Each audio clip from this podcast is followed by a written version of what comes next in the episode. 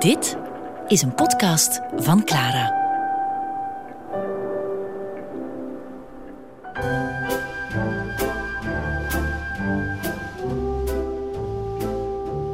Verdwaalde stad. Een leven in Gent. Met Jean-Paul van Bendigem. Wij wonen nu al. Het zal. Nee, volgend jaar. Volgend jaar is het een kwart eeuw dat we eh, hier nu wonen. En hier, dat is uh, vlakbij het Sint-Pieterstation, aan de zogenaamde zuidkant. Dus uh, de kant weg van het uh, stadscentrum, maar werkelijk vlak achter het station. Er zit één straat tussen en, en een toch voorlopig lege ruimte. Het, wat zal moeten het Koningin Mathildeplein worden, wat nu eigenlijk een fietsparking is, is op, het ogenblik. tussen haakjes, de werken aan, aan, aan dat station zijn nu al zo lang gaande dat men al de bordjes heeft moeten vervangen. Want uh, hoewel het plein er nog niet is, zijn er wel al bordjes opgehangen met de, de naam. En uh, dat was oorspronkelijk Prinses Mathildeplein. en op dat moment. Van, ze, ze, hebben nog niet eens het plein aangelegd en nu beginnen ze al die bordjes te vervangen. Van, ah ja, sorry, ja, natuurlijk. Nu is het Koningin Mathildeplein. Dus uh, aan het tempo dat de werken nu gaan, excuseer Daniel Termont dat ik dit nu zeg, maar uh, ik verwacht nog eens dat ze gaan moeten vervangen door uh, weduwe Mathildeplein. ik sluit het niet uit.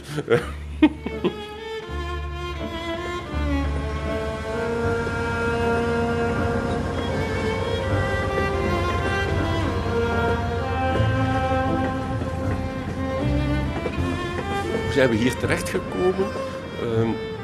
Uh, een kwart eeuw geleden, uh, zowel uh, mijn vrouw als ik waren alle twee pendelaar op Brussel. Dus zijn we hier beginnen rondkijken. En ja, dat is wel typisch iets voor mij, neem ik aan. we zitten ook hier in de buurt van het zogenaamde miljoenenkwartier, zoals het in Gent bekend staat.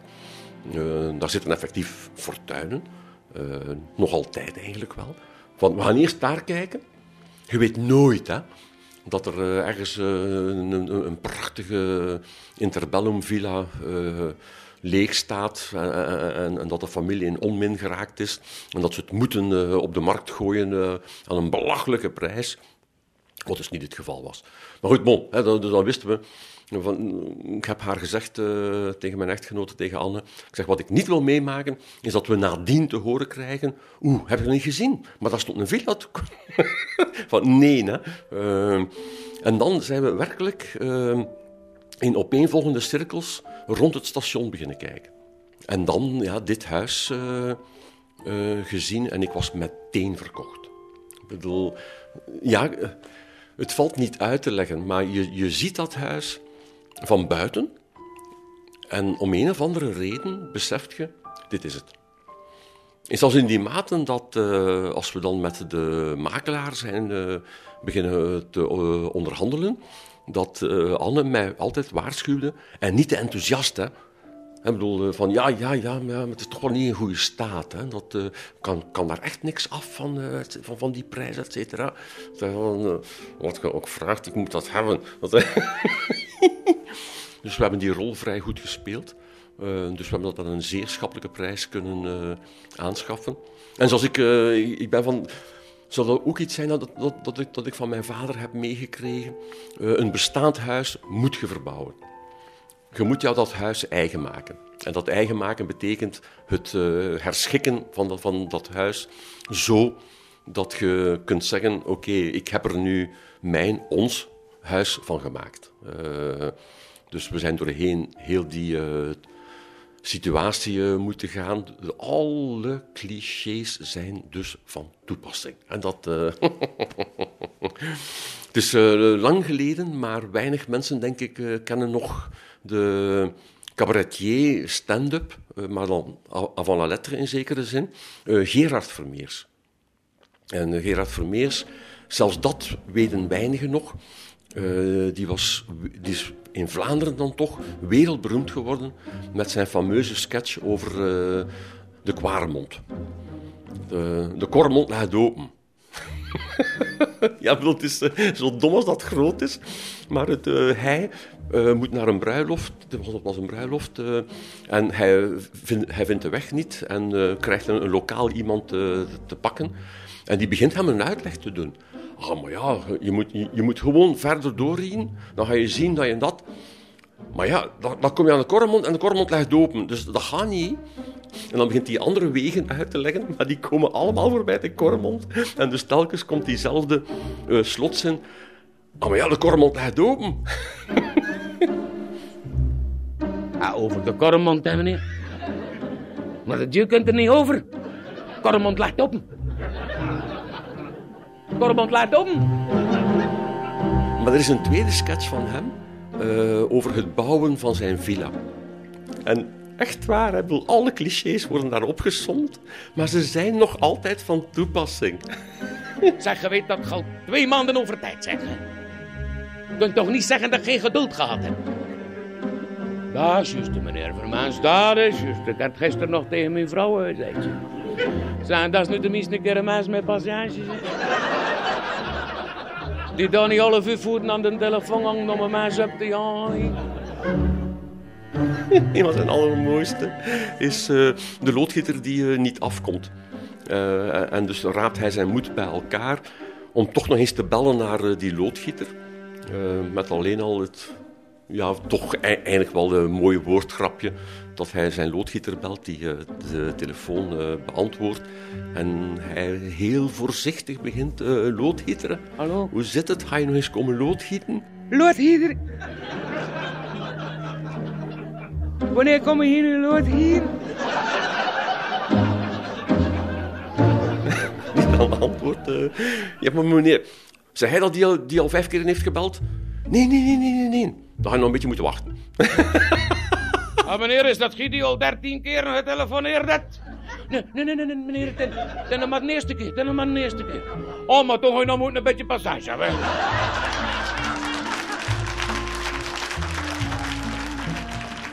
Het is allemaal meegemaakt.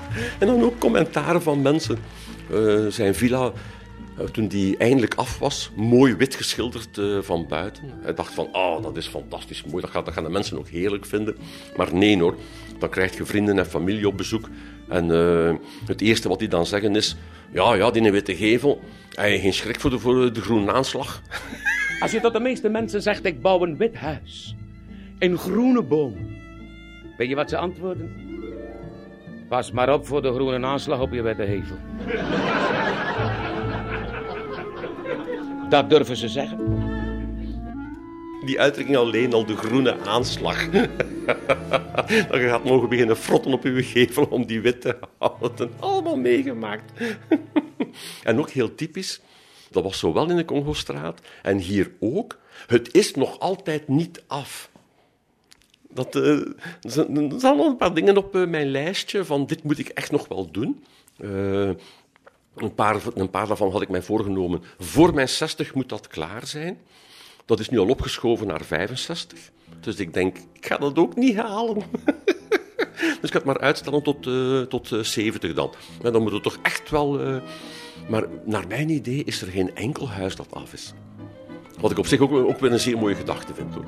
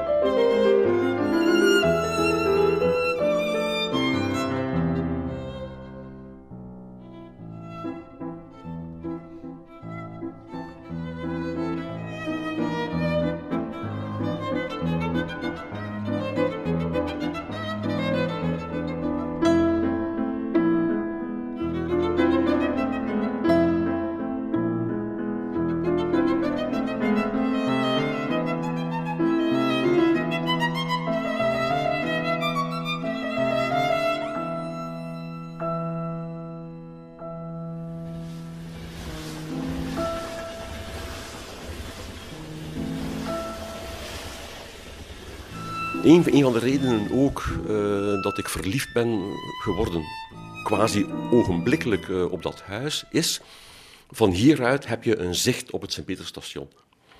En uh, zelfs in die maten dat in de zomermaanden, als de wind goed zit, dan hoor je ook de aankondigingen.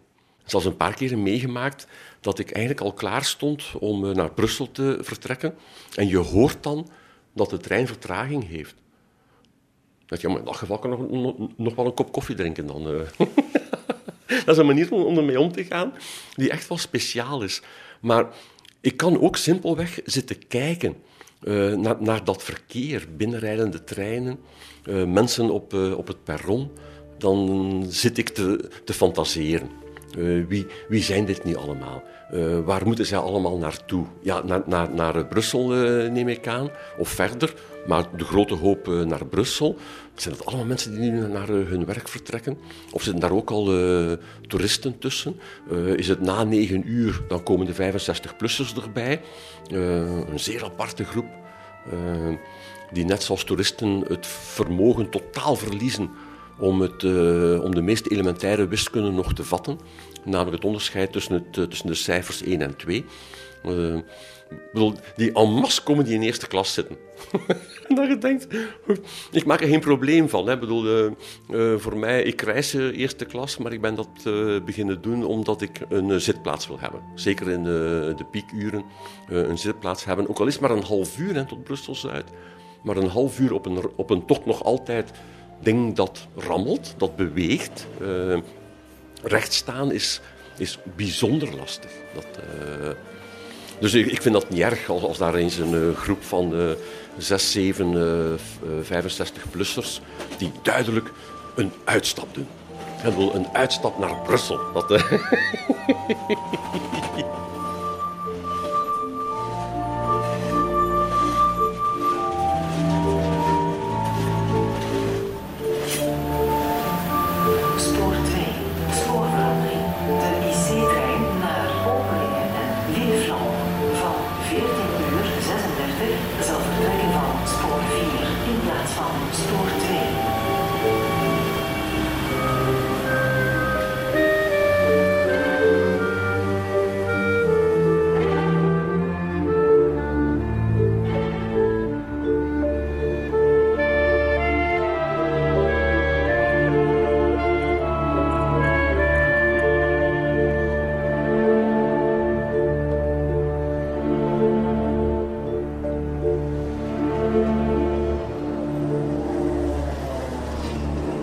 Verdwaalde stad.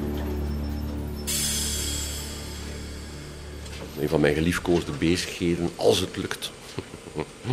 De trein nemen, spitsuur. Perron staat vol, maar je hebt geluk. De trein rijdt binnen en remt af, stopt en je staat aan een deur. Je denkt, yes, ik heb zeker een zitplaats.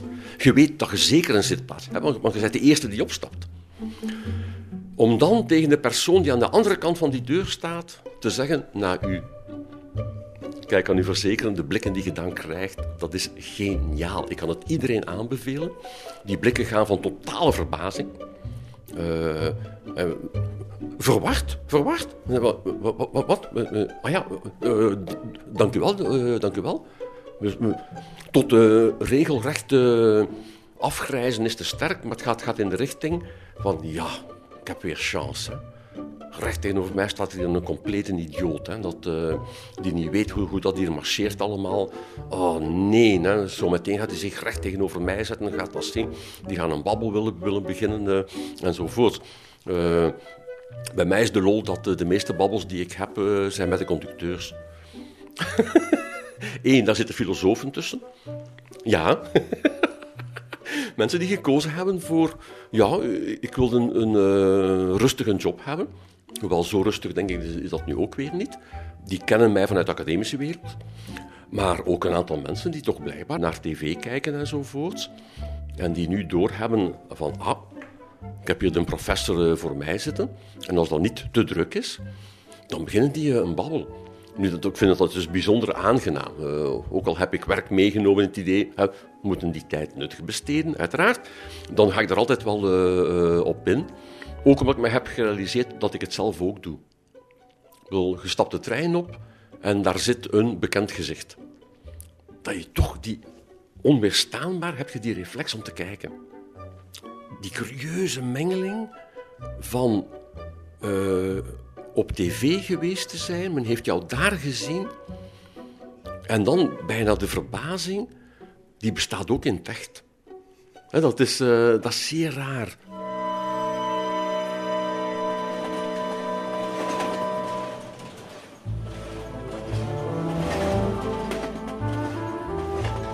Een van de leuke dingen aan een station is, uh, niemand wil daar zijn. Wie er is, wil daar eigenlijk weg. Uh, of om het gebouw te verlaten, uh, te voet naar buiten gaand, ofwel om op een van die machines te kruipen en dan zo snel mogelijk weg te zijn. Want ja, elke minuut vertraging is een drama. Wat nog niet zozeer te maken heeft, denk ik, met het idee ik zal een paar minuten te laat in Brussel aankomen. Nee, je wilt daar weg. Ik ben ook een van die onnozelaars die, als je aan een tramhalte staat en je ziet aangekondigd staan, de volgende tram komt eraan binnen zes minuten, dan ga ik al te voet naar de volgende halte. Dat is idioot, hè? Want ja, bedoel, die tram gaat nog altijd uh, aan die zes minuten blijven vasthangen. Uh, maar je hebt het idee dat je al iets ondernomen hebt om dichter, om dichter bij jouw einddoel te komen. Meestal bij mij eindigt dat dan dat ik dan het hele traject te, voet doe. Dan denk ik, nu ben ik toch al in die richting aan het wandelen, maar beter doorwandelen. Hè? Dat, uh... en dan, als je dan meemaakt dat je de halte waar je normaal gezien zou afgestapt zijn, had je de tram genomen en jij komt te voet op hetzelfde moment aan als die tram, dan ervaart je dat als een overwinning. Wat? bedoel, wat is er mis met u? dus ik, moet zeggen, op sommige momenten kan ik dus enorm lachen met uh, mijzelf. Van uh, Jean-Paul, zijn weer bezig geweest. Hè, maat. Uh, Oké, die, die wandeling, dat is dan nu het excuus. Voor iemand ook van mijn leeftijd, zo'n wandeling is altijd goed. Dat is altijd goed. Dat, maar eigenlijk wilde ik wel de tram nemen. Maar, maar daar zit wel iets Calvinistisch in. Dat, want vijf minuten wachten ja, dan moet je toch die tijd zinvol kunnen invullen. Met iets nuttigs, wat dan ook. En ik heb dan ook de neiging, als, aan, als aan, aan die bushalte daar een kaart van Gent hangt, om dat toch eens te bekijken. Als, als, als, als ik nu voor de eerste keer zie, oh, dat is Gent, kijk eens aan zeg. of om dan heel filosofisch te worden, in de stijl van Geluk, de, de, de tekenaar van Le Chat een van onze, eh, zowel van Anne als van mij, een van onze grote helden. Uh, die onder andere een schitterende cartoon. De kat staat voor een uh, stadsplan met uiteraard de aanduiding: U bent hier. En dan de tekst eronder zegt alleen maar: Maar hoe weten ze dat?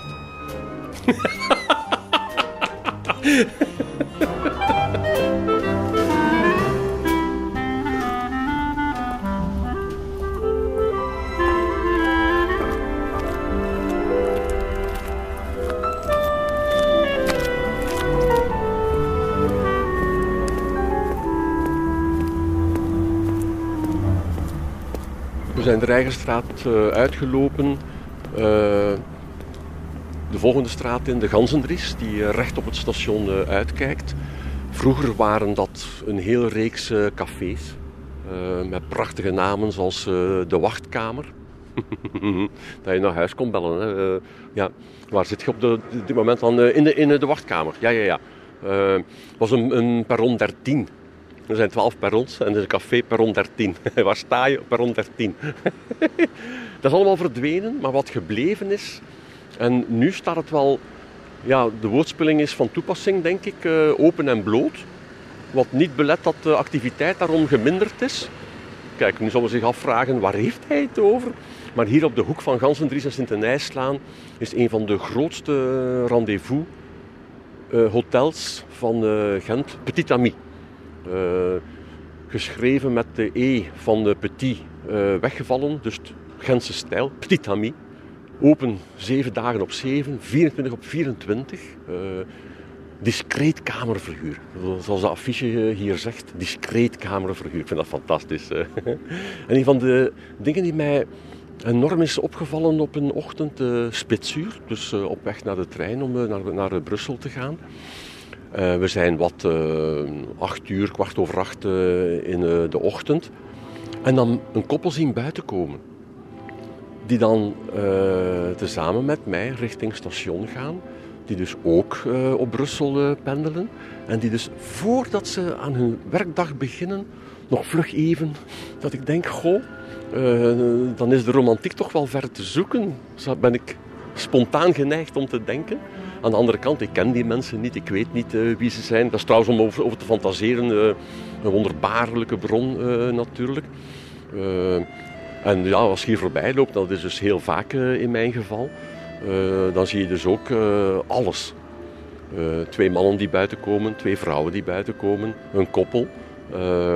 in alle geuren, kleuren en formaten. dat, wat mij altijd ergens wel in zekere zin geruststelt. Dat ik denk, ja, liefde en het seksuele. Neem twee mensen op de aardbol en dat kan, hè. Dat,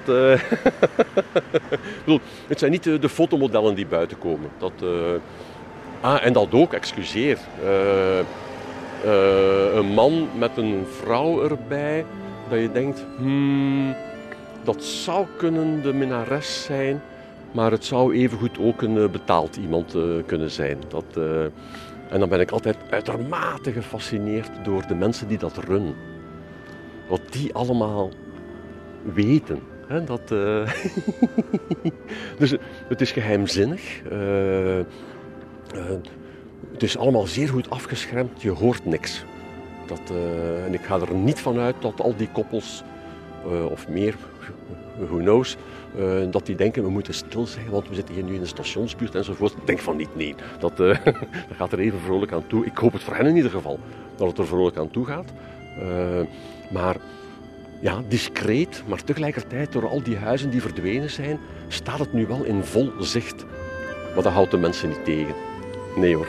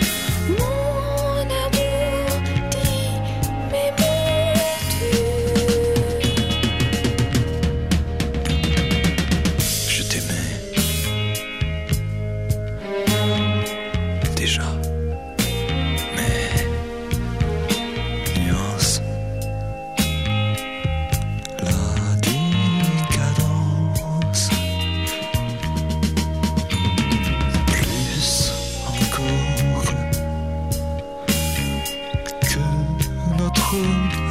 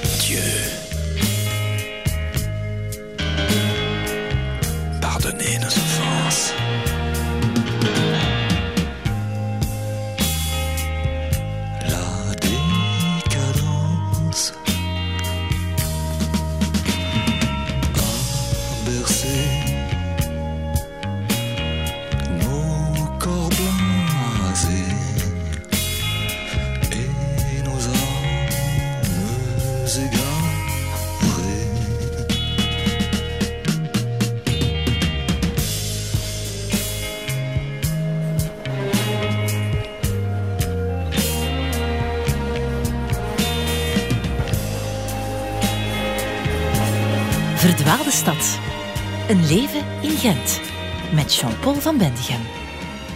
De plek waar ik vroeger woonde, uh, de Congostraat.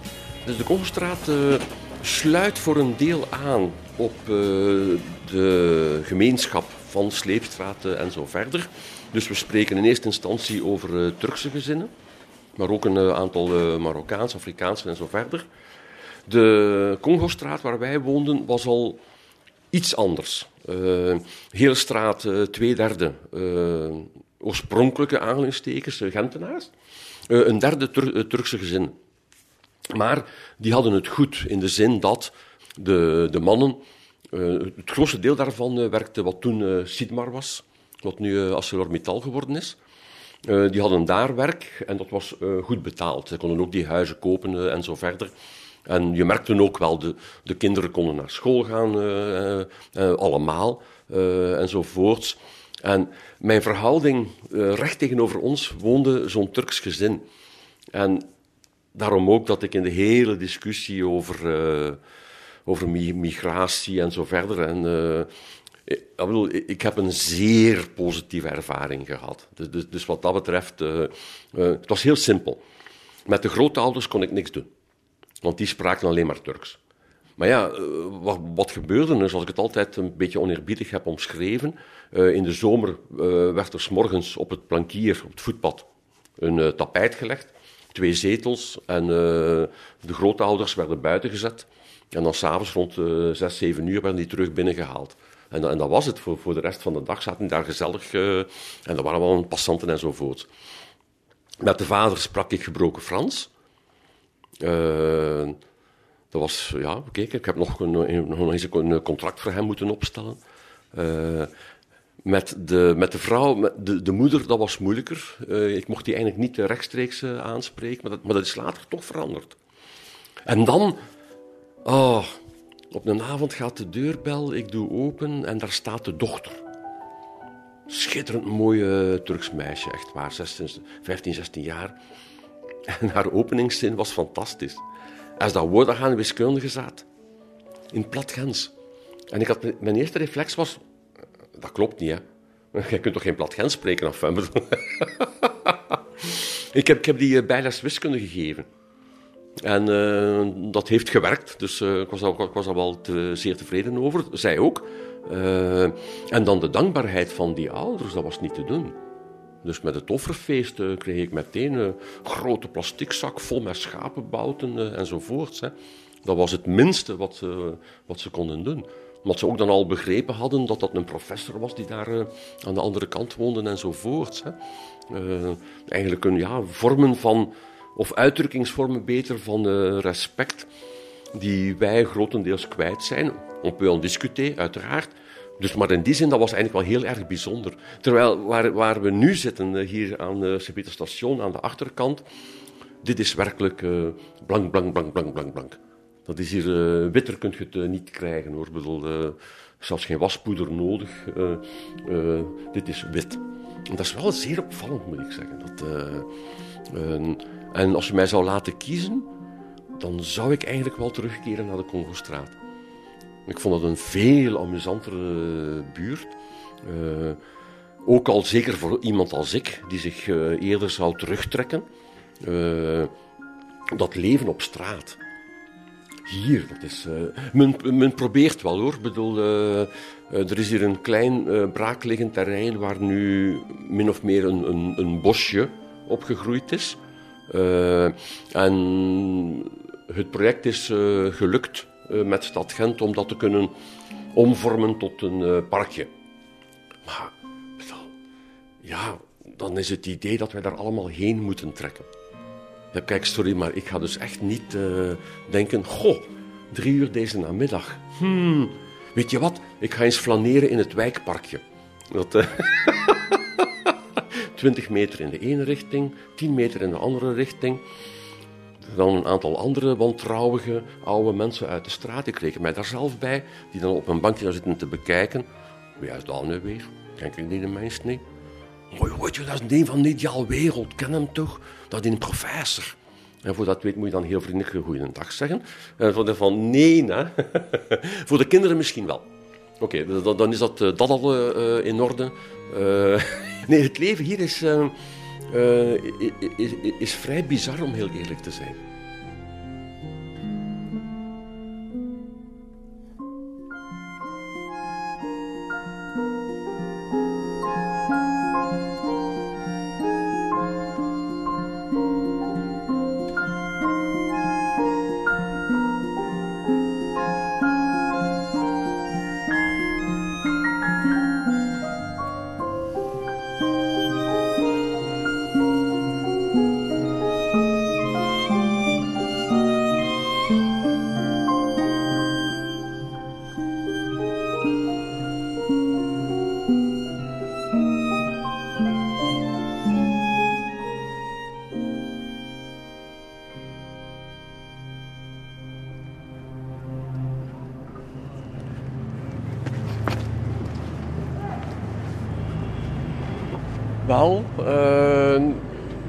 Wanneer de eerste plannen gekomen zijn voor de gehele verbouwing van het uh, station, uh, waren er uiteraard hoorzittingen. En we hebben daar iets meegemaakt dat nog altijd een running gag is voor Anne en mij. Die overenthousiaste ingenieurs die het project moeten, moeten toch kunnen verkocht krijgen aan de buurtbewoners enzovoort. Die ingenieur probeerde uit te leggen dat uh, het veel opener zou zijn, wat, wat effectief het geval is. De, het, is eigenlijk, gigantisch, als je het nu zo ziet. Een gigantisch station. Uh, en er zou dus heel veel open ruimte zijn. En dan wilde die uitdrukken dat mensen daar van alles kunnen doen. Dan denk je van, van alles kunnen doen, het is een station. Je gaat van hier de roltrap op naar het perron en, en je wilt weg. En die merkte ook wel van, hmm, ja, hoe moet ik dit nu uitgedrukt krijgen? En die heeft een prachtige formule geïntroduceerd. En sindsdien uh, gebruiken wij dat te pas en te onpas. Ja, en uh, dus het idee zou zijn dat uh, in die grote open beschikbare ruimtes, dat mensen daar... dat mensen daar allerhande activiteiten kunnen ontplooien. En sindsdien is die uitdrukking voor ons een running gag. als we niet goed, goed weten wat wat gaat er daar gebeuren. Ze zullen waarschijnlijk uh, allerhande activiteiten ontplooien.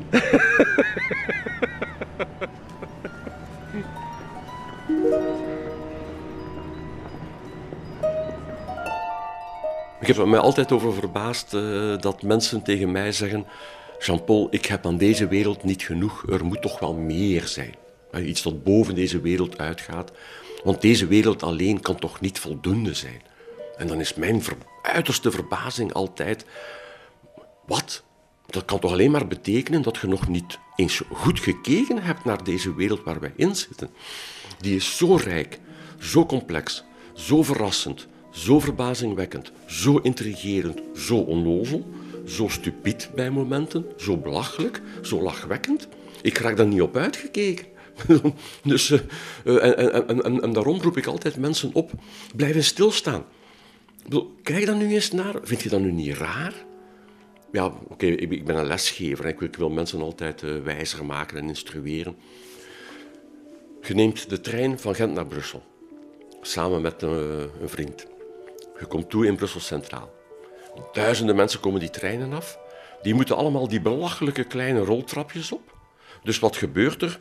Er vormt zich uh, een trechter. Een groep mensen staan voor die roltrap en op een zotte manier slagen zij er toch in om de, allemaal vrij netjes die roltrap op te kunnen. Uh, daar wordt zelden gevochten. Ik heb het meer dan 30 jaar gedaan. Ik heb het eigenlijk nooit meegemaakt. Maar dan is het de grote vraag, is dan, tenminste ik stel mij dan die vraag, hoe kan dit? Bedoel, een hoop mensen staan tegen elkaar te duwen en te dringen. Zij willen allemaal die trap op. Waarom wordt dat niet over elkaar heen gekropen enzovoort? Maar nee. En dan als je het antwoord weet, is dat van een grootste schoonheid. En wat ik dan doe, is, ik neem dan die, mijn, vriend opzij. Dus we gaan even opzij staan. We, we bekijken de scène. En ik zeg, kijk, ziet je nu iets merkwaardigs aan wat die mensen aan het doen zijn? En als je lang genoeg blijft kijken, dan zie je het. Namelijk dat iedereen staat te schudden. En dat is hetzelfde fenomeen dat je hebt met een trechter, met korrels in. Als dat blokkeert, wat doe je dan? Je schudt. En dan lopen die korzen weer door. als je daarop bent op te letten, dan staat eigenlijk iedereen lichtjes heen en weer te bewegen. En dat maakt dat men die roltrap eh, op kan. maar je moet dus iemand apart nemen en zeggen: kijk nu eens.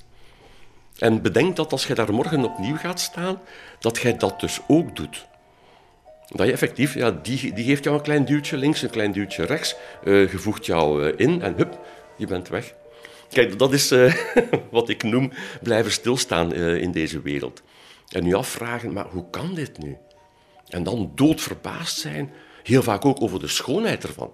Ik vind dat intrinsiek schoon om te zien, dus blijkbaar weten wij ons gezamenlijk te organiseren in een maatschappij die relatief leefbaar is, door heel veel dingen die zuiver onbewust gebeuren. We hebben nooit op school geleerd. En jongens en meisjes, als jullie voor een roltrap komen en er, staan, er staat heel veel volk, niet vergeten te schudden. Dat, uh, het is hetzelfde fenomeen als je naar de douane moet uh, op de luchthaven. Het ergste wat men tegen mij kan zeggen is: uh, Jean-Paul, daar komt de Rijkswacht, gewoon doen.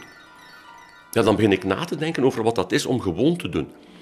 En ik neem aan, wat die rijkswachters dan zien komen, is iemand waarvan zij denken, ja, die is uh, half omdat je naar de beweging zoekt van wat is nu gewoon.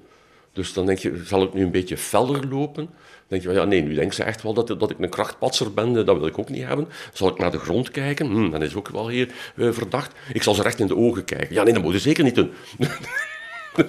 Ik ga dan meestal ergens even op een stoel zitten tot ik terug weet. Wel, niet weet, maar tot ik, tot ik terug gewoon kan doen. Ik heb niet gezegd dat je daardoor een eenvoudiger leven krijgt. Het is een rijk leven, maar een rijk leven komt met een prijs. Maar ik zou het letterlijk voor geen geld ter wereld willen uh, missen. Dus vandaar uh, dat die, die uitnodiging uh, altijd naar mensen toe van mij uit om, om wel, je bent aan het wandelen in een stad en je pakt heel even de arm van de ander vast en je zegt, je moet daar eens naar kijken. Zie je dat? Ik ben ook de persoon die, uh, als je de kanaalvaart doet, Gent-Terneuzen, de meeste mensen vinden die industrie gruwelijk. Ik, ik vind dat schoon, ik kan daar niet aan doen. En dan zeker als je s'avonds uh, terugkeert, dat lichtspel, dat... Uh, ik zou eerder daar gaan naar kijken dan naar het lichtfestival dat nu uh, in Gent zoveel furoren maakt. Omdat, ja, om, als ik een bedrijf zie, een fabriek, dan, dan zie je ook een structuur. Hè, dat, dat dus ja, en dus bij een station zitten, een station heeft dat ook. Bedoel, dat is een machine. Ja, dat is geen gebouw, dat is een machine die, die vorm heeft gekregen, onder andere in een gebouw.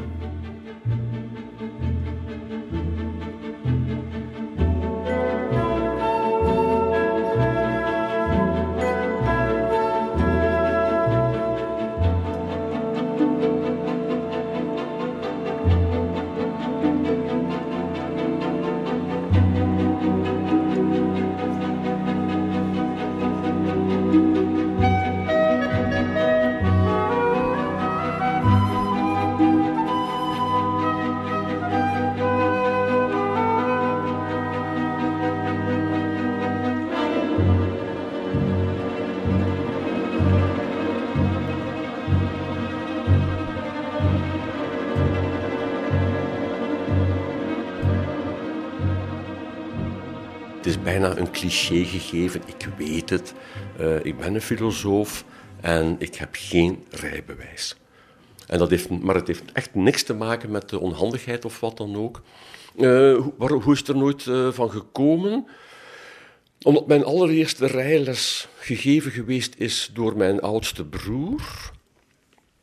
Een notwaar ongeduldig man. Denk dat u dat mag zeggen, hij gaat dat niet uh, bestrijden. Dus na tien minuten was dat afgelopen. Uh, was ik incompetent verklaard. Ik heb daar akte van genomen. Uh, maar dan was de simpele vaststelling, ik, ik had het ook niet nodig. Je woont in Gent, je studeert in Gent. Fiets, te voet, dat gaat perfect. Daarna word je docent in Brussel. En in Brussel zelf heb je geen auto nodig, tenminste in, in mijn situatie, dan zou je wel gek zijn om met die auto dan naar, naar Brussel te rijden. Dus je wordt pendelaar, trein.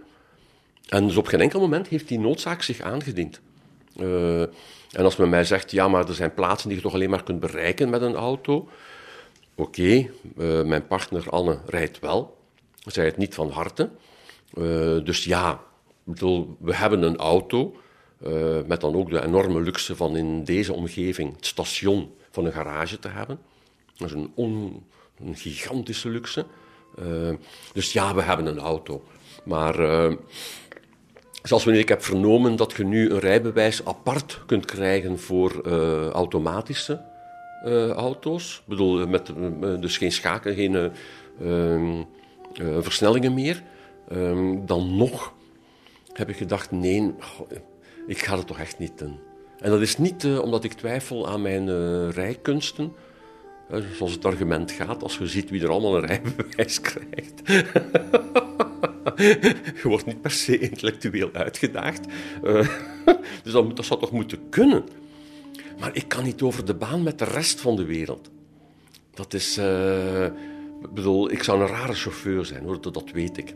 Van het moment dat ik een zogenaamde plakker, of zoals ik ze wel graag noem, een kontneuker, uh, heb. Dus ik zit naast mijn vrouw dan in de auto. Ik zit overal naast de chauffeur. Ik wind mij daarin op. En wat ik spontaan zou willen doen zelf, is gewoon even opzij gaan staan. En zeggen, eh, doet u maar, alstublieft doet u maar. Maar dat zal nogal een manier van rijden zijn. Hè? Dus om de zoveel meter, nee is overdreven, ga ik opzij staan van, maak dat allemaal weg, zijt. Is iedereen weg? Oké, nu ga ik weer een beetje verder rijden. Dat... denk, als ik passagiers zou mee hebben, dat die meteen aan de eerste rode lichten uitstappen en zeggen: Jean-Paul, we nemen wel een trein. En dat ik zou denken: van, Weet je wat, ik ga hem hier opzij zetten, ik ga ook een trein nemen. Dus het is er nooit van gekomen. Eh, dus het uh, voldoet niet aan de voorwaarden van het cliché, daar sta ik op.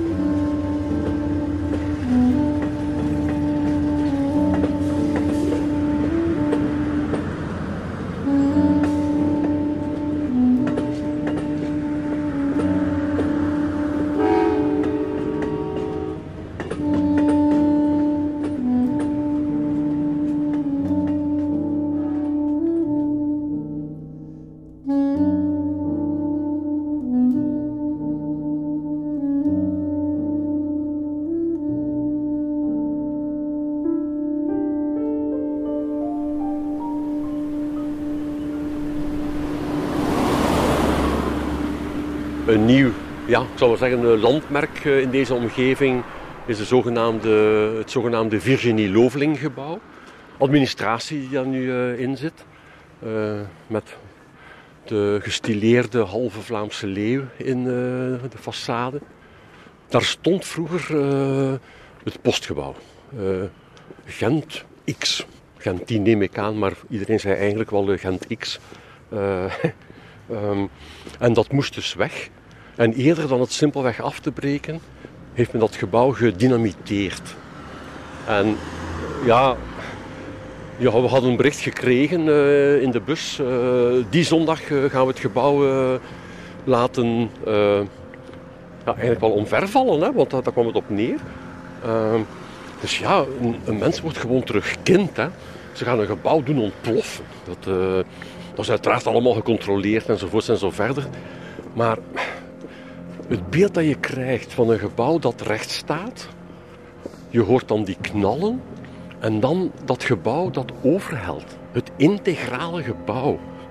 Dat is als beeld, dan beseft je ook weer de veronderstellingen onbewust die je maakt. Namelijk, een gebouw staat recht en dat blijft recht staan. Uh, Oké, zoals het drama in Antwerpen aan de paardenmarkt, een gaslek. Maar dat is iets anders. Uh, omdat je hier, het gebouw bleef vrij intact. Het was dus voor een, voor een gedeelte mislukt. Het, uh, het is gewoon, enfin gewoon, op zijn zijkant gevallen. Maar dat is raar. Alsof ergens een reuzenhand dat gebouw heeft gepakt en even een duw heeft gegeven. zo, dat ligt ook plat. en dan sta je erop te kijken, op dat op dat gebouw dat daar half slap bij ligt.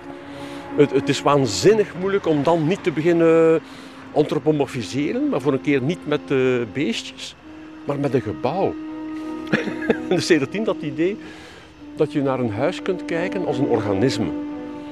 Als een ding niet alleen uh, dat leven herbergt, maar zelf ook leven is. Dat was uh, heel uh, merkwaardig. Ja. En nu staat daar de, waar in Gent nu de mop over bestaat natuurlijk. Als je het gebouw ziet, de oorspronkelijke bijnaam was de slanke dame. Nu wordt er in Gent vooral gesproken over de vette madame. Want zo slank kun je het echt niet noemen hoor.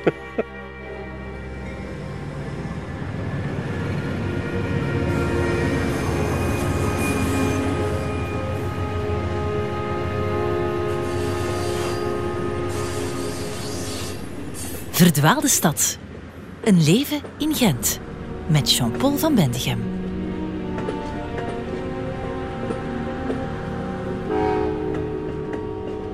Hier vlakbij het station uh, is er een gegeven dat weinig Gentenaars kennen. En nogthans, het is van zo'n grote schoonheid.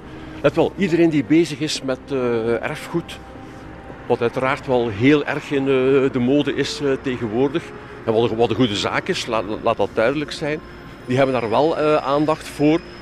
Dat zijn namelijk re reclame muurschilderingen. Er zijn er niet veel meer.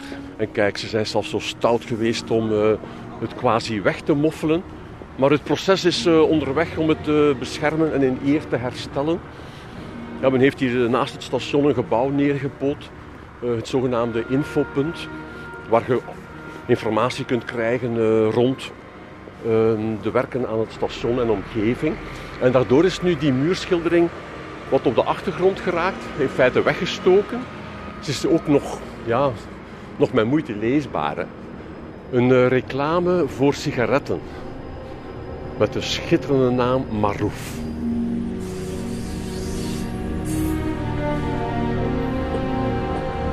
Dus 1923 heeft men dit de, aan deze muur toevertrouwd. Wat wil zeggen dat dus ook toen al dit een uh, vrijstaande muur moet geweest zijn. Dat...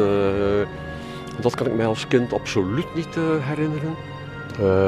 Het zou moeten, oh ja, het, is, het, is, echt aan het wegslijten. Oh, dat is jammer. Dus dit nu herstellen zoals het geweest is, zal geen eenvoudige zaak zijn. Maar, zo, maar zo, voor zover ik weet is men daar wel degelijk mee bezig. Ehm, ja, dat is die periode van de, de muurschildering als reclame. Ik heb het voor mijzelf uh, in mijn boek uh, ingedeeld bij de monumenten. Dit is ook een monument. Ik bedoel, het is ook een stukje geheugen dat in de stad aanwezig is. En dat herinnert aan manieren om producten te slijten aan de consument, die wel veel permanenter zijn. In feite, het is er nog altijd, toch restanten ervan, om iets aan te prijzen. Maar bovendien het is als met al de brouwerijen in het Gentse. Het grootste gedeelte daarvan is allemaal verdwenen. Uiteraard Marouf-sigaretten uh, ondertussen ook. Trouwens, ja, zo schaamteloos reclame maken voor sigaretten. Het is, maar, dat is ondoenbaar. Hè? Dat is een vloek. maar het mooie eraan is, het, het, straalt ook dat Oriëntaalse uit. Het is de link met Egypte. maar het... het oh, wat bij mij spontaan opkomt, ik zie een, uh, iemand als uh, Hercule Poirot. Uh, die die Egyptische sigaretten zou roken. Dat, dat, dat vind ik er zo mee samengaan.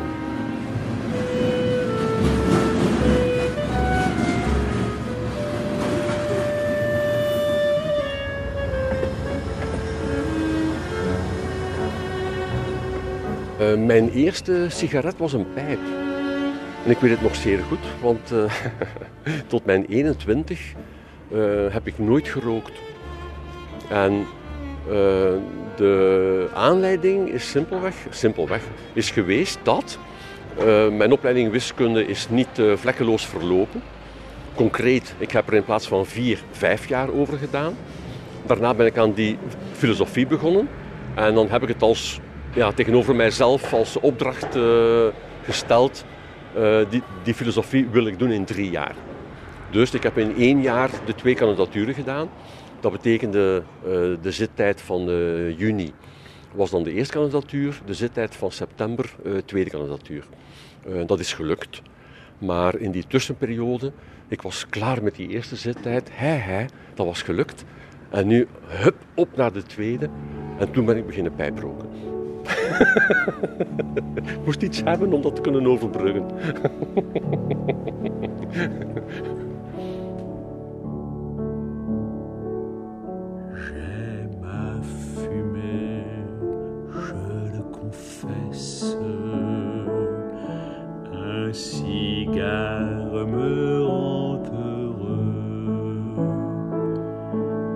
Il est ma meilleure maîtresse.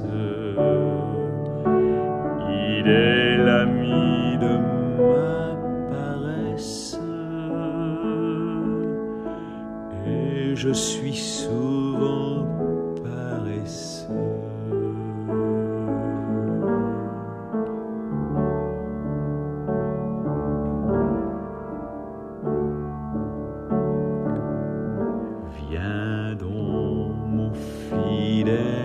cigare,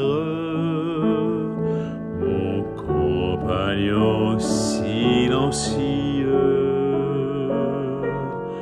que par toi ma raison s'égare.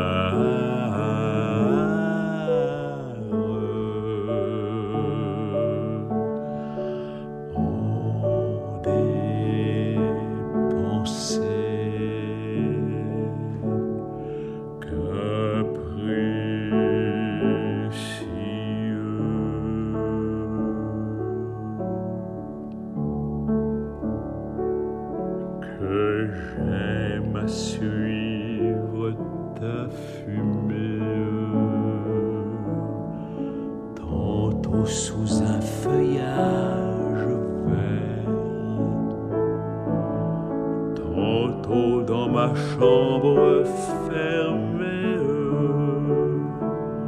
auprès de la bûche enflammée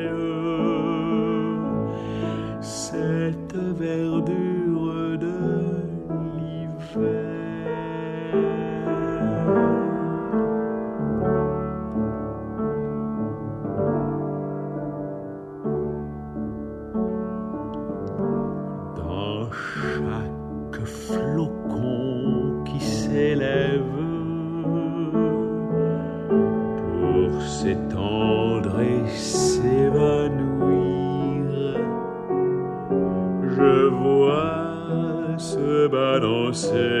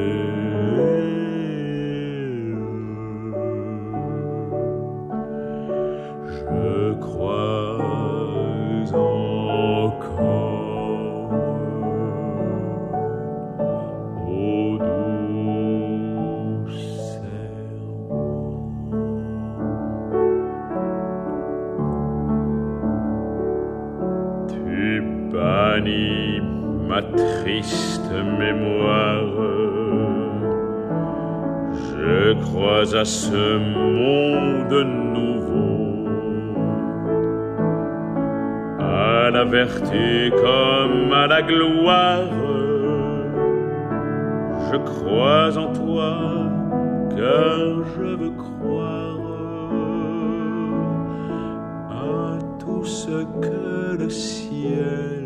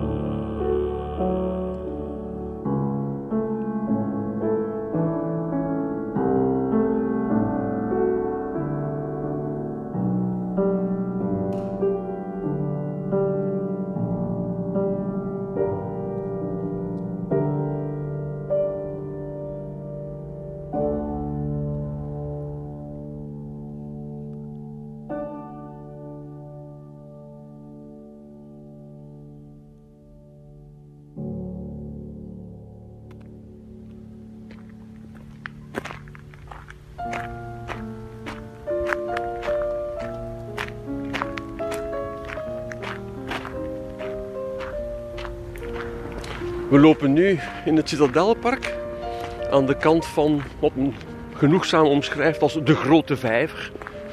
Met een standbeeldengroep erin. En het is heel gek.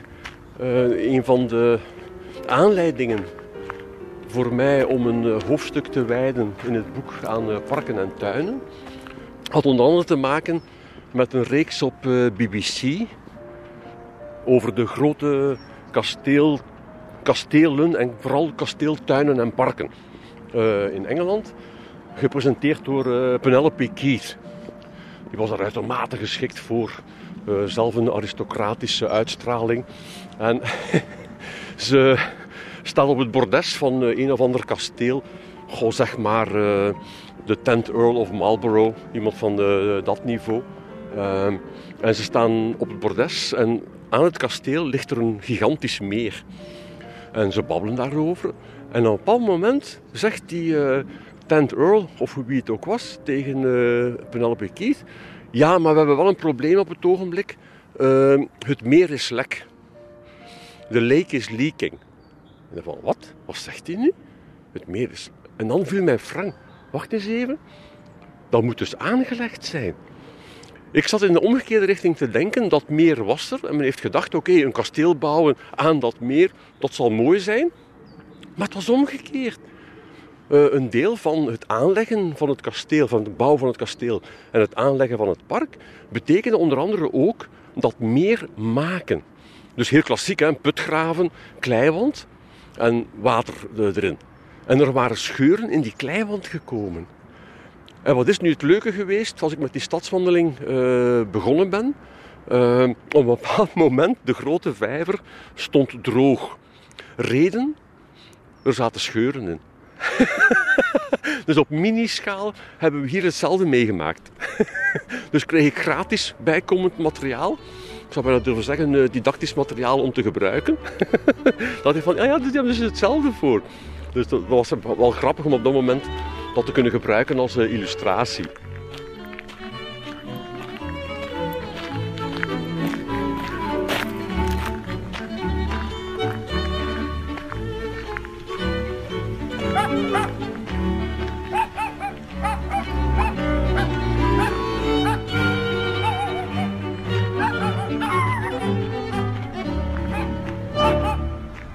Ja, dat is er nog altijd uh, in dit park. Een, uh, honden- en kattenasiel. ja, dat is een... Voor mij gaat er altijd een zekere droefheid vanuit, moet ik eerlijk bekennen. Uh, mijn vrouw nog meer dan ik zijn grote adepten van de zogenaamde poezenboot in het Gentse, waar men ook poezen opvangt. maar goed, ik jaag in ieder geval toe dat Gent nu ook werkelijk wel werk maakt om de populatie van aanhalingstekens uh, wilde katten, dus zeggen die gewoon in de stad rondwalen, om die toch ook in die zin op te vangen uh, dat ze gesteriliseerd worden en zo verder. hier is het grote probleem, het asiel zit vol. Maar, een zeer mooi detail, je kan jou opgeven als een soort meter of peter, wat betekent dat je de afspraak maakt dat je op geregelde tijdstippen met een van die honden gaat rondwandelen. Dat ze eens kunnen buitenkomen.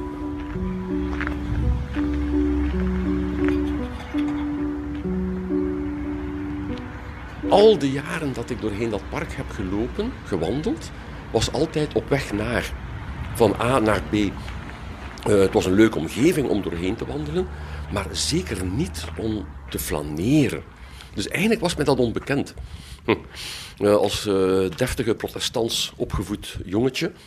Uh, het flaneren raakt aan het niets doen. misschien erger nog aan het nutteloze. Aan het doelloze. En dat is gewoonweg ondenkbaar. en het is nu, oh, ik zou durven zeggen, een jaar of vijf geleden dat ik er mij begin, dat ik er begin aan te wennen dat ik het idee krijg van oké, het uh, doelloos, uh, in de echte betekenis van het woord. Hè. Je wil nergens heen, je maakt een wandeling. Ik heb zelfs nog een tijd gehad dat uh, ik, ik, op zulke wandelingen ik het dan wel een, bijna een plicht vond van heel diep na te denken. Van met problemen bezig zijn, dat toch die tijd weer nuttig werd ingevuld. Maar nee, proberen dat hoofd leeg te krijgen. Ik kan nog altijd niet beweren dat het mij lukt. Dus er zit een heel diepe vorm, ja eigenlijk wel hoor, van uh, diepe jaloezie voor het decadente ook. Wat er voor mij dan in, in het verlengde van ligt. Uh, het idee van ter verantwoording geroepen te worden gaat verdwijnt allemaal. Het is simpelweg het flaneren.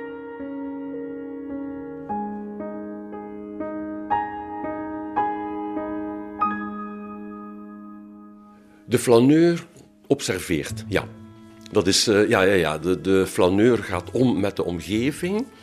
Maar dit is het delicate aan het spel. Het is geen type afgeleide van wetenschappelijk onderzoek. Ik bedoel, uh, laat ik het zo zeggen, het uh, Citadelpark is voor een deel nu ook een arboretum geworden.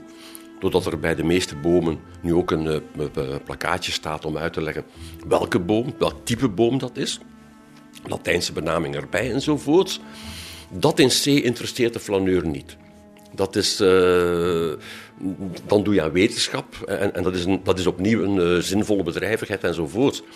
Maar het is eerder ja, het in jou proberen opnemen van die boom. De ervaring van die boom. Uh, um, de boom beleven, zo gewild. Met ook heel veel aandacht voor ja, aandacht eigenlijk wel, hè, voor wat het in jou losmaakt. Ik bedoel, uh, om eerlijk te zijn, ik had zelfs voor mezelf het idee dat ik daar moeilijk uh, authentiek kon over schrijven. Ik, ik ben niet de persoon om te schrijven over het flaneren. Aan de andere kant ehm, wilde ik ook in zekere zin een eerbetoon brengen aan diegene die over het flaneren heeft geschreven op een manier, naar mijn idee, die je moeilijk of niet kunt overtreffen. En ik denk dat zelfs uh, Stefan Hertmans mij daarin zal volgen. Uh, in zijn teksten over uh, Walter Benjamin, want het gaat dus over hem. En dat fameuze, onvoltooide, magistrale werk, hè, dat we zowel kennen als het passagewerk of als het arcadeproject. Ja, de, de, de, manier van formuleren alleen al is van een dermate schoonheid, dat daar durf ik mij simpelweg niet aan wagen. Uh, dus daarom snel even verwijzend naar de titel uh, van het boek, Verdwaalde Stad. Eigenlijk had ik de pretentie om toch een link te maken met Walter Benjamin. Maar niet zo aanmatigend uh, om te zeggen uh, passagewerk 2 of zoiets. Bedoel, dat, dat zou werkelijk van een grofheid getuigd hebben. Dus heb ik gezocht naar, oké, wat is nu een bescheiden derivaat daarvan? En was ik uitgekomen op passerellenwerk. Passages voor Benjamin, een passerelletje voor mij. Zo, dan denk ik aan de Korenmarkt hier in Gent, waar je nog, is het nu afgesloten? Ik denk van, ik vrees van wel, waar je nog naast het postgebouw, of iets verder, het is iets verder, nog een zeer mooie brandgang. Ik bedoel, echt uh, een meter breed tussen huizen in. Dus werkelijk bedoeld om uh, weg te kunnen vluchten bij brand. zoiets, passerellen. dus ik wilde echt wel een eerbetoon neerschrijven aan Walter Benjamin. Ik weet niet of ik nu al klaar ben, maar goed, ja. wanneer ben je klaar? Om, om, om, daar echt te kunnen mee omgaan. Ik hoop tegen mijn 70 dat ik dan echt ga kunnen flaneren in het Citadelpark. Das Wandern ist das Wandern. Das Wandern ist das Wandern. Das muss ein schlechter Müller sein, dem niemals fiel das Wandern ein. Das Wandern, das Wandern, das Wandern, das Wandern.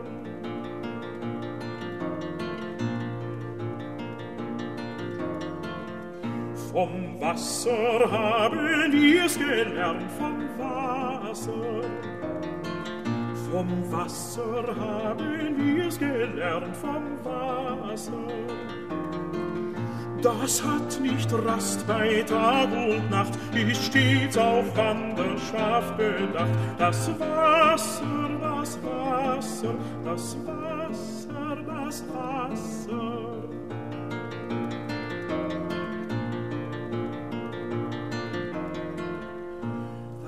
Wir auf den Rädern ab, den Rädern. Das sehen wir auf den Rädern ab, den Rädern. Die gar nicht gerne stille stehen, die sich mein Tag nicht müde drehen. Die Räder, die Räder,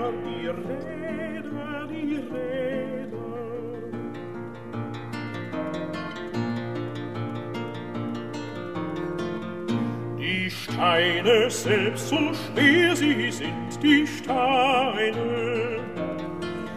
Die Steine, selbst so schwer sie sind, die Steine.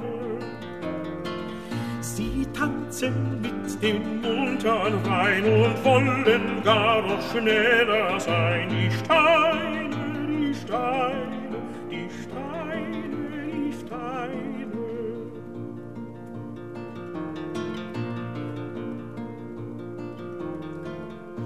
O wandern, wandern, meine Lust, o wandern. O wandern, wandern, meine Lust, o wandern. Herr Meister und Frau Meisterin, lasst mich in Frieden weiterziehen und wandern und wandern und wandern und wandern. Verdwaalde stad.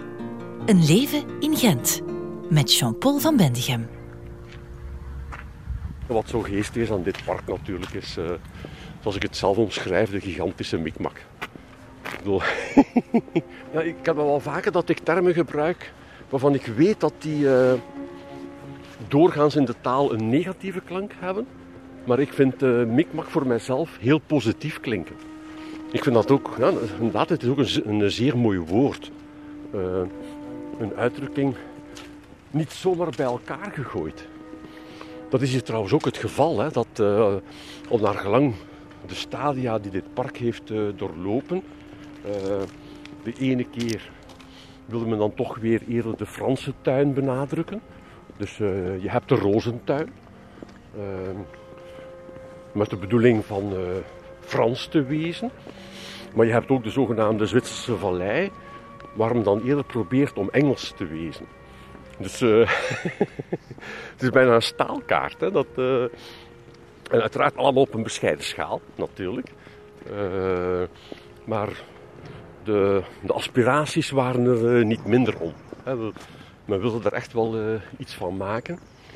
Maar dan, typisch Gent natuurlijk, Citadelpark. Eh, de benaming is correct, want dit was een citadel.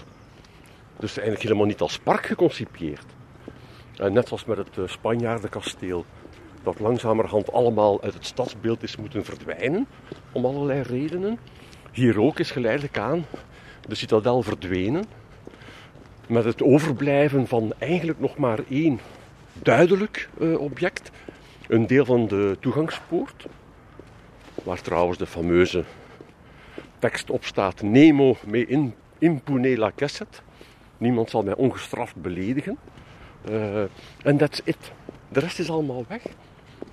Maar, en we komen trouwens nu ter hoogte van uh, die plek, uh, wat niet belet dat ditzelfde park, na een citadel geweest te zijn, een ander statuut heeft gekregen gedurende een aantal jaren, namelijk de Koude Oorlogsjaren. Uh, waren hier in dit park, en ze zijn er nog altijd, schuilkelders. En ik heb het grote geluk gehad, want normaal gezien mag, kan je dat niet bezoeken. Maar een aantal jaren geleden had uh, Kort de Frank een voorstelling tijdens de Gentse feest. En die speelde zich af rond die schuilkelders. En hij liet mij weten, ja, ik heb de sleutels daarvan. Wilt je het eens zien? Ja, zoiets moet je, dan, dan moet je meteen ja zeggen. Dus ik heb ze gezien. Eén, dus ze zijn er nog altijd. Twee, het geeft werkelijk de indruk alsof men alles heeft laten vallen en is weggegaan. Dus daar hangen nog borden met uh, stafkaarten. In, in krijt op het bord staan gegevens genoteerd. Echt, bedoel, alsof men plotseling zei van, oké mensen, we zijn weg. En iedereen staat recht en stapt het af. En, een van de mooie mythische verhalen over Gent, en ik denk elke serieuze stad moet dat hebben, soms ook, ook zelfs uh, kleinere steden en dorpen, geheime onderaardse doorgangen. Je kunt rechtstreeks van daar naar daar onder de grond door. En het verhaal in Gent wil hebben dat er vanuit die schuilkelders een doorgang zou zijn onder de ring door rond Gent, de kleine ring, naar de Leopoldkazerne. Een militaire kazerne aan de andere kant van de ring. Die is er. Uh, ik heb die gezien. Dat, uh, ja, enig probleem niet meer toegankelijk omdat een deel van het plafond ingestort is. Maar dus die doorgang is er effectief. Dus men kon evacueren via die gang naar de kazerne zelf. En dan van die grappigheden. Hè. bij de bouw van die schuilkelders pas vrij laat, eigenlijk al te laat, uh, heeft iemand opgemerkt: ik denk dat we iets vergeten zijn. Uh, en wat zou dat mogen zijn dan? Uh, wat gaan die mannen doen die hier zitten als ze een nood voelen opkomen? En dan zijn we: oh, fuck it, sanitair. dat is toch fantastisch, hè? Dat is mooi. Ik vind dat uh, als kind hoor je die verhalen uh, van ja, er zijn de, de, de kelders uh, in het Citadelpark. En van ja, waarop slaat dat nu? je wist nog helemaal niks over Koude Oorlog en dat soort toestanden. En dan blijkt dat te kloppen. Dat, en dan effectief gezien ook. En dan, ja, bedoel, dit heb ik van, van Kurt. Het schitterende verhaal over de man van de plantsoendienst. Want ja, daar had hij uiteraard contact mee uh, omwille van die toneelproductie. Ehm, die hem het verhaal vertelt over de nachtelijke activiteiten die hier ontplooid worden, om maar de terminologie aan te houden. Namelijk, wel, zoals ik zeg, men heeft de functie van, van het park zeer goed begrepen. Dus het overdagse, het, het flaneren tijdens de dag, wordt in de nacht uh, voortgezet. En die man van de plant, plantsoendienst zegt aan Koert, ik moet nu met, met een lichte Gentse tongval doen, want anders het gaat niet echt kloppen, denk ik. die hem zegt, ja meneer Frank, let op hè. Ik heb niets tegen die homoseksuelen. En dat zijn mensen gelijk, gelijk wie ook. Hè. Maar proper zijn die mensen niet. Hè. Al moet ik keer kijken. Uh, elke ochtend vind ik hier uh, zoveel condooms enzovoorts. En kijk, dus vlak daarbij staat er een vuilbak. Allee, en, en die mensen zien dat niet. Dat is toch wel straf, hè. Maar we- let wel, hè, Frank heeft erover nagedacht. Hè. Erover nagedacht hè. En begrijp het ze. S'nachts, hè. Je Die vuilbak, dat zie je niet, hè. Je ziet dat niet staan, hè. Dus heb dat opgelost, hè. Ja, wat, heeft u dan gedaan? eh?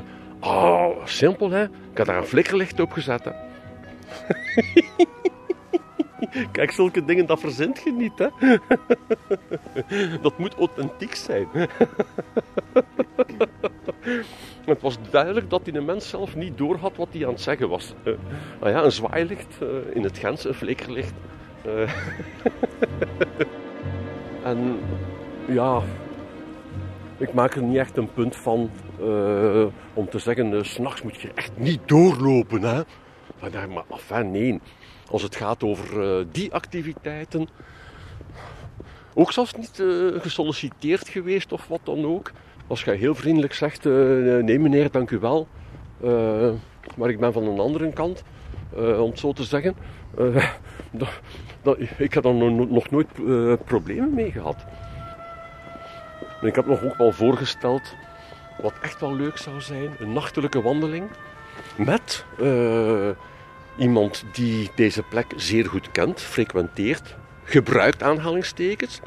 Eh, ten eerste moet dat dan absoluut veilig zijn. Nou ja, ik bedoel, eh, en om het park eens op die manier te leren kennen. Eh, want ik neem aan dat dat een totaal andere manier van kijken moet zijn. Dat is kijken in termen van welke plekken kan je gebruiken. Waar heb je nog iets wat in de verste verte een aanspraak zou kunnen maken op eh, intimiteit, als het, als nog niet volledig uitgesloten is. Eh, die blik, dat zou mij echt wel interesseren. Echt wel interesseren. Dat, eh, dus als er ooit zo'n voorstel komt, ik ben bereid. Every night about this time. Oh, how I miss you. I drift into our own rendezvous every night about this time. The gang keeps on asking why you're not around. And I keep pretending you're just out of town. Every night about this time, memories haunt me, wondering to who's dancing with you every night about this time. And whenever they croon our favorite tune, a tear falls with rhyme. Oh, how I miss you every night about this time.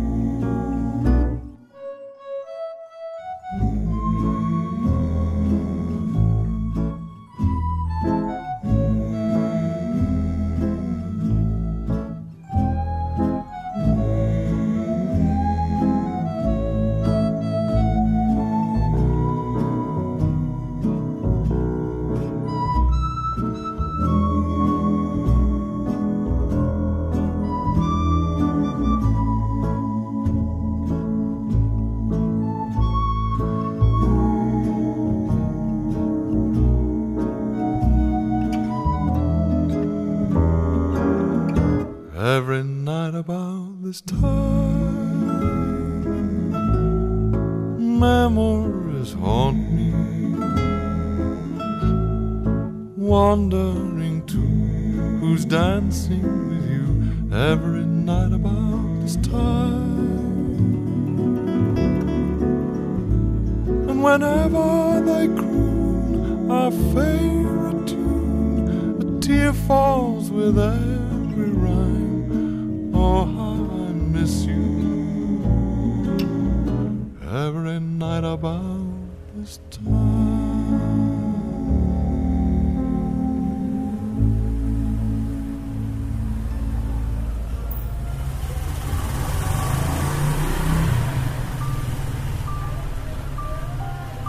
Buitenlandse gasten die naar hier komen, in het kader van de, van de universiteit.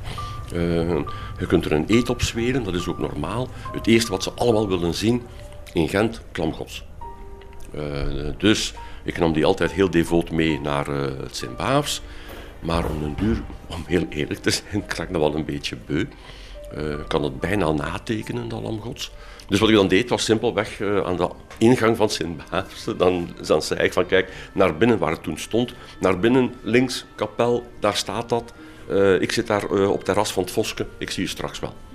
En dan kwamen ze natuurlijk daar naartoe. En zoals goede Amerikanen, als Amerikanen waren zeker, dan was het allemaal awesome. hoe was het, de Mystic Lamp? Awesome. En dat enerveert van na verloop van tijd. En dus zei ik, we zitten hier toch op het Vosken, kijk eens naar het Belfort. En van, ja, uiteraard awesome ook, hè. Ja, hoe zou het anders kunnen? Ik zeg, ja, maar dat deel van die toren, boven, vanaf het uurwerk, dat hele stuk erboven, dat is grosso modo een eeuw oud. Wat? werkelijk? Wat? It's fake, it's fake. Uh, ja, in zekere zin wel natuurlijk. Uh, trouwens, als je die, die lakenhallen ziet, uh, de laatste vier de kapellen die je ziet, dat is ook toen bijgebouwd. Dus dat is eigenlijk ook wel een beetje fake. Ik heb goed nieuws voor u, eigenlijk is heel Gent een beetje fake. Dat vonden ze dan ook weer awesome. maar er was een vriend bij van mij, een collega, en die zei, Jean-Paul, daar moet je echt een, een wandeling van maken. Maar dan dacht ik, maar fijn nu een paar uur door Gent eh, rondwandelen en zeggen dat is vals, dat is nagemaakt, dat is bijgebouwd, dat heeft daar nooit gestaan. dan, denk dan zijn mensen zodanig gedeprimeerd. Na twee uur trekken die naar Brugge. In, in de gedachte dat, dat, dat het daar beter is. Maar daarbovenop komt natuurlijk het feit dat men uh, in Gent, in de aanloop naar de wereldtentoonstelling van 1913, uh, dat men aan een grootschalige restauratie heeft gedaan van de stad. Maar een restauratie die door heel veel wordt aangevochten. Uh, omdat met name men uh, gebouwen heeft aangepast, gewijzigd, vergroot in een aantal gevallen, omdat ze meer indruk zouden maken en zo verder. Uh, men heeft huizen van plaats verzet. Ik bedoel, om op de graslei alle gildenhuizen te hebben, er stond er eentje niet tussen, dus heeft men dat daartussen gezet. En, en, voor een aantal mensen is dat eigenlijk wraakroepend. Bedoel, dit is niet restaureren. En dat heeft mij aan het denken gezet, is dat nu eigenlijk wel zo?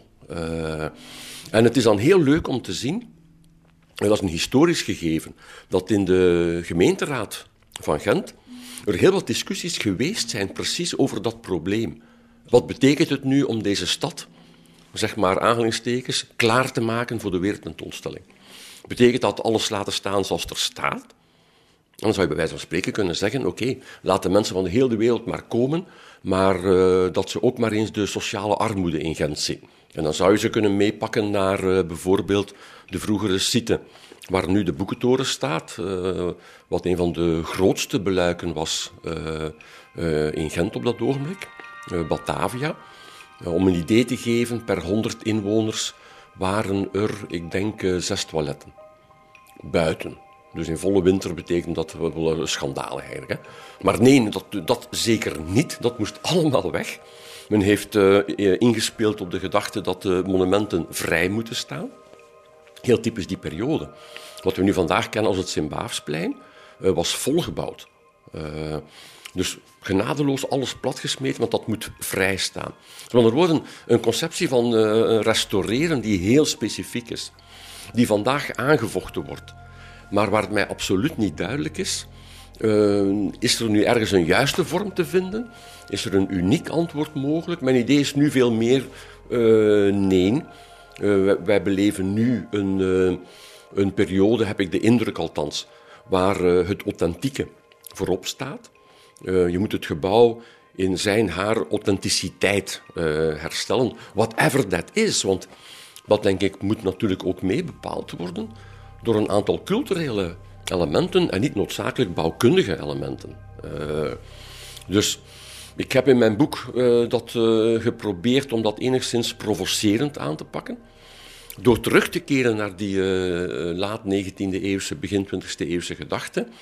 Wat ik heb geformuleerd met de bouwde titel: Mogen wij het afmaken, alstublieft? Ik bedoel, je staat daar met een monument, een gebouw, en je denkt: Goh Het is dringend aan een opknapbeurt toe, maar wat houdt dat nu in? Ofwel zeg je, oké, zoals daar staat, precies zo behouden. In een aantal gevallen is dat waanzin, want als je weet dat het gebouw binnen tien jaar gaat instorten, wat is het nut dan van die restauratie? Uh, dat is blijkbaar trouwens gebeurd met het Belfort, dat is een kleine voetnoot.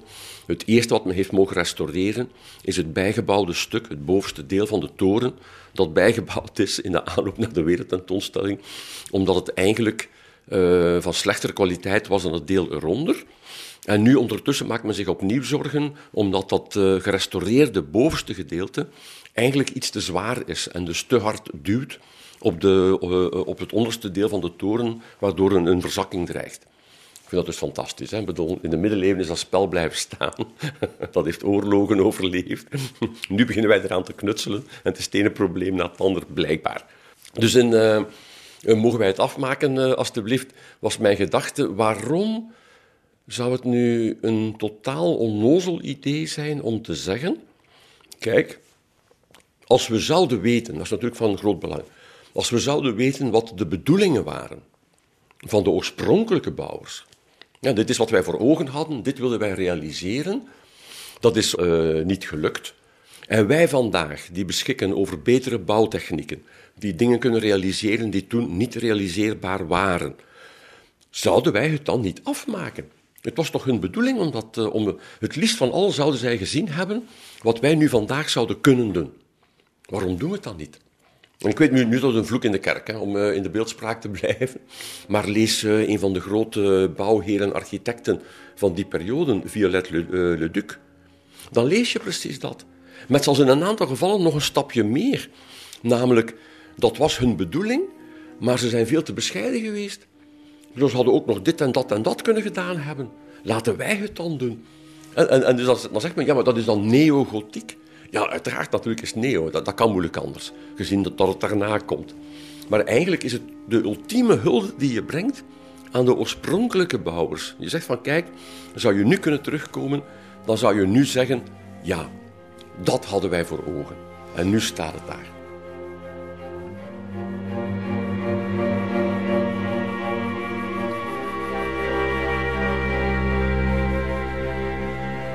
In de aanloop naar die wereldtentoonstelling de hele transformatie van Gent, om heel eerlijk te zijn, ik heb het daarvoor.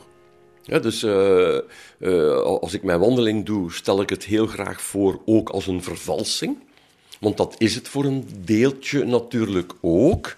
Maar dat unieke om een uh, stad te hebben waarvan de historische kern het best omschreven wordt als de romantische reconstructie van een middeleeuwse stad, dat vind ik eigenlijk goud waard.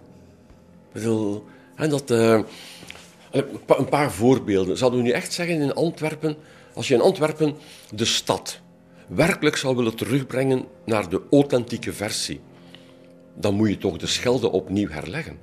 Want dat is rechtgetrokken. Nu weet ik ook wel, in Gent doet men hetzelfde. De reep wordt terug opengelegd, omdat nu terug de samenvloeiing van Leien en Schelde fundamenteel belangrijk geworden is. Uh, dan denk je, dat is merkwaardig, want keer een eeuw, anderhalve eeuw terug, en dan denk je, oh, we gaan dat dempen. En zeg, is dat voor flauwekul, dat stinkt en, enzovoort. En nu zegt men, nee, nee, nee, nee, dat is juist het bepalende uh, voor Gent. Tegelijkertijd legt men niet alles terug open. Want dan worden een aantal belangrijke verkeersaders, ik noem maar de oude houtlei bijvoorbeeld, moeten dan teruggrachten worden. Uh, maar dat gebeurt dan weer niet. Dus uh, er gebeuren zeer interessante afwegingen tussen, oké, wat kan het beeld van de stad uh, authentieker maken, maar tegelijkertijd ook, wat is praktisch haalbaar en wat kunnen we in geen geval doen. Dat, dat, is net zoals, je zou het Sint-Baafse eindelijk eens kunnen afmaken, de Sint-Baafskathedraal, door daar een mooie spits op te zetten. Nu is dat niet zo omdat die iets te vaak uh, is afgebrand. En men heeft gedacht, uh, bon, uh, de lieve heer blijkbaar ziet het niet zitten om hier een spits op te hebben. dus we gaan dat maar zo laten. Maar dat zou, wel, dat zou raar zijn. Ik ga nu bewust deze term gebruiken. Dat zal raar zijn om plotseling dat beeld te hebben van oei, daar staat nu een spits op. idem dito als men zou willen de Sint-Michiels kerk afwerken. Ik bedoel, nu is dat een halve toren. Eh, dat had moeten de hoogste toren van Gent worden. Dus we weten wat de intenties waren van de, de bedoelingen van de, de bouwers. Uh, maar dat zou, dat, dat zou raar zijn om het heel zacht uit te drukken. Dat vind ik geen voldoende reden om het niet te doen. Dat is iets anders.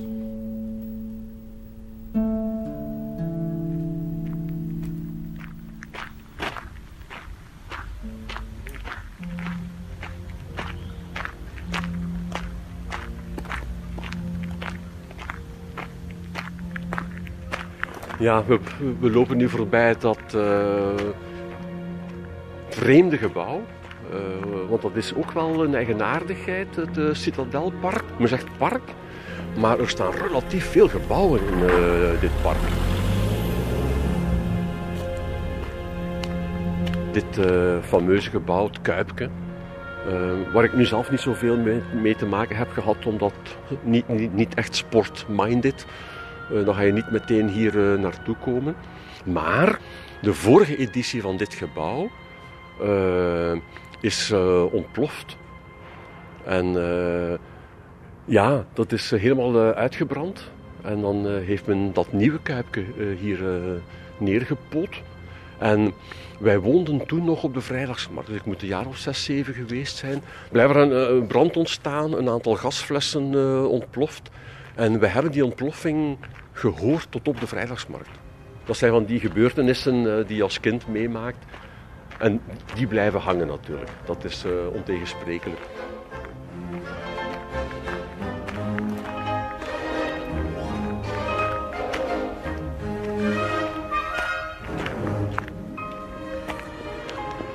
En het Museum van Schone Kunsten, ja, dat was uh, een van mijn vluchtplekken in de middelbare schooltijd, als ik echt alleen wilde zijn en stilte hebben en rust hebben, dan kwam ik simpelweg naar het Museum van Schone Kunsten. Het was toen zo, ik weet niet of het altijd zo is, dat weet ik nu niet meer. Maar vroeger waren uh, musea, zoals het Museum van Schone Kunsten, waren gratis voor Gentenaars. Dus je kon binnen en buiten lopen uh, zoals je wilde. En ik trok daar naartoe en ik kon gemakkelijk daar een paar uur uh, zitten. Ik had uh, schriftjes mee om te schrijven. En dan zat ik daar te schrijven, te tekenen soms. Uh, maar vooral om, om rust, stilte, kalmte te hebben en niet gestoord te worden. Je zou hetzelfde kunnen doen in een, in een kerk natuurlijk, maar dat lag een beetje moeilijker. Dat, En protestantse kerken hebben niet die uitstraling dat je zegt, dat wil ik nu graag eens een paar uur in stilte vertoeven. Nee, dat gebeurde niet.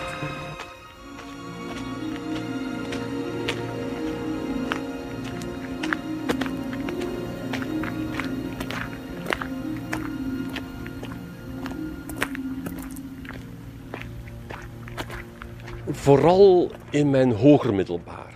Dus uh, zeg maar van 15 tot 18 uh, wat ik uh, stevast deed was de zaterdag namiddag. Huiswerk grotendeels klaar zijn en enzovoort. Uh, vrije namiddag. Dan dwaalde ik door Gent. Dus eigenlijk de roots van het hele verhaal gaan daarnaar terug. En dan heb ik geprobeerd zoveel mogelijk wijken in het Gentse te ontdekken. En dit was er één van. Omdat natuurlijk, ja, dit is ook de plek geweest waar Koen Raas, wijlen Koen Raas helaas, uh, en ik zelf nog iets hebben gedaan. Wat uh, Ray Bradbury fantastisch zou gevonden hebben. Want het was eigenlijk Fahrenheit 451 avant la lettre. Van nee, dat, dat, was na zijn letteren. maar het stond er in feite los van hoor. Maar Koen en ik waren alle twee bijzonder gegrepen door literatuur, één. Engels literatuur heel zeker. En wat wij nog een tijdje hebben gedaan, niet zo lang, we hebben een tijdje wel gedaan, in het Citadelpark rondlopen en uh, monologen uit uh, Shakespeare van buiten opzeggen. Dus echt wel de Bradbury. Hè. De boeken worden verbrand, maar je geeft ze oraal door aan elkaar.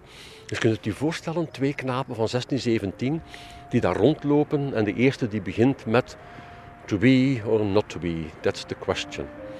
But it's nobler to suffer the slings and arrows of outrageous fortune, or, or to end, ah, or by opposing them to end them, to die, to sleep no more. En dan nam Koen over.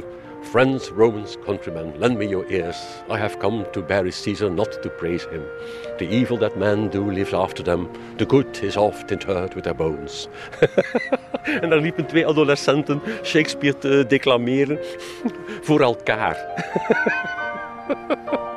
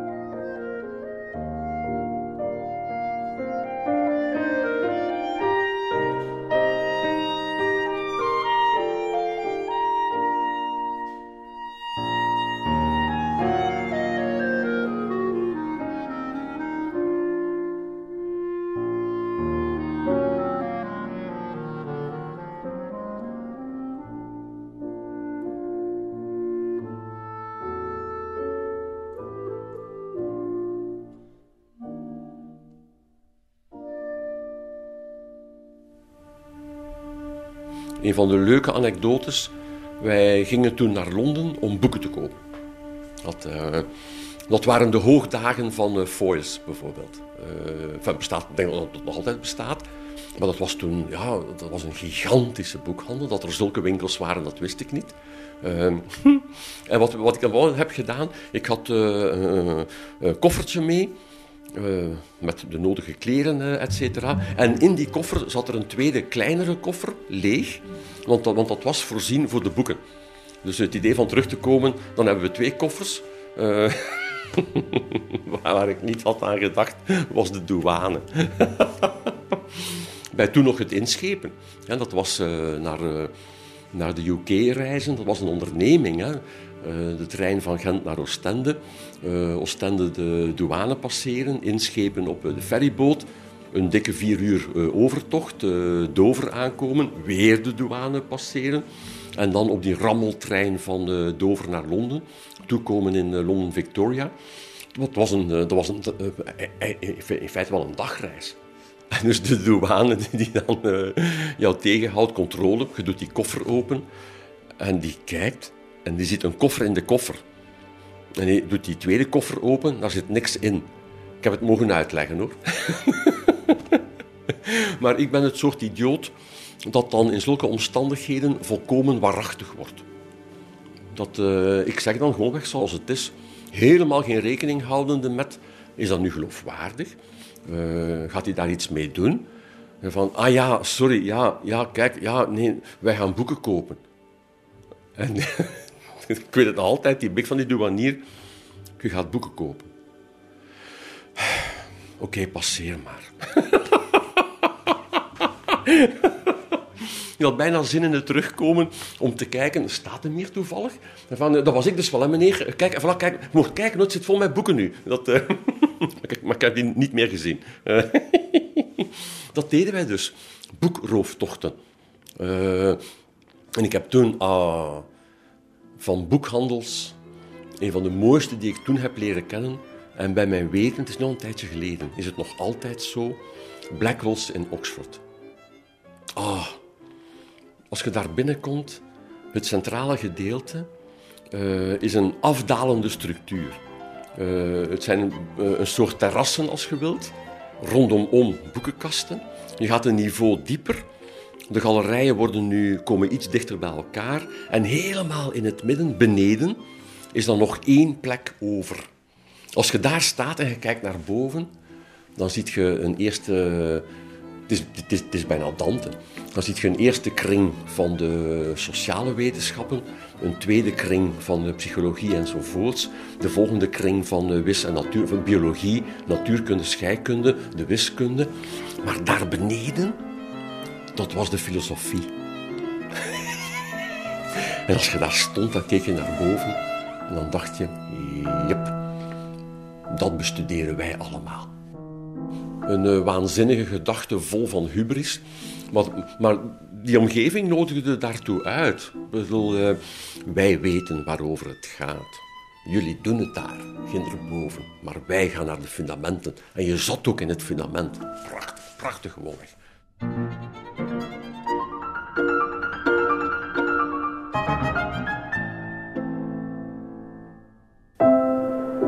Ontdek ook onze andere podcasts via clara.be. Clara Podcast. Blijf verwonderd.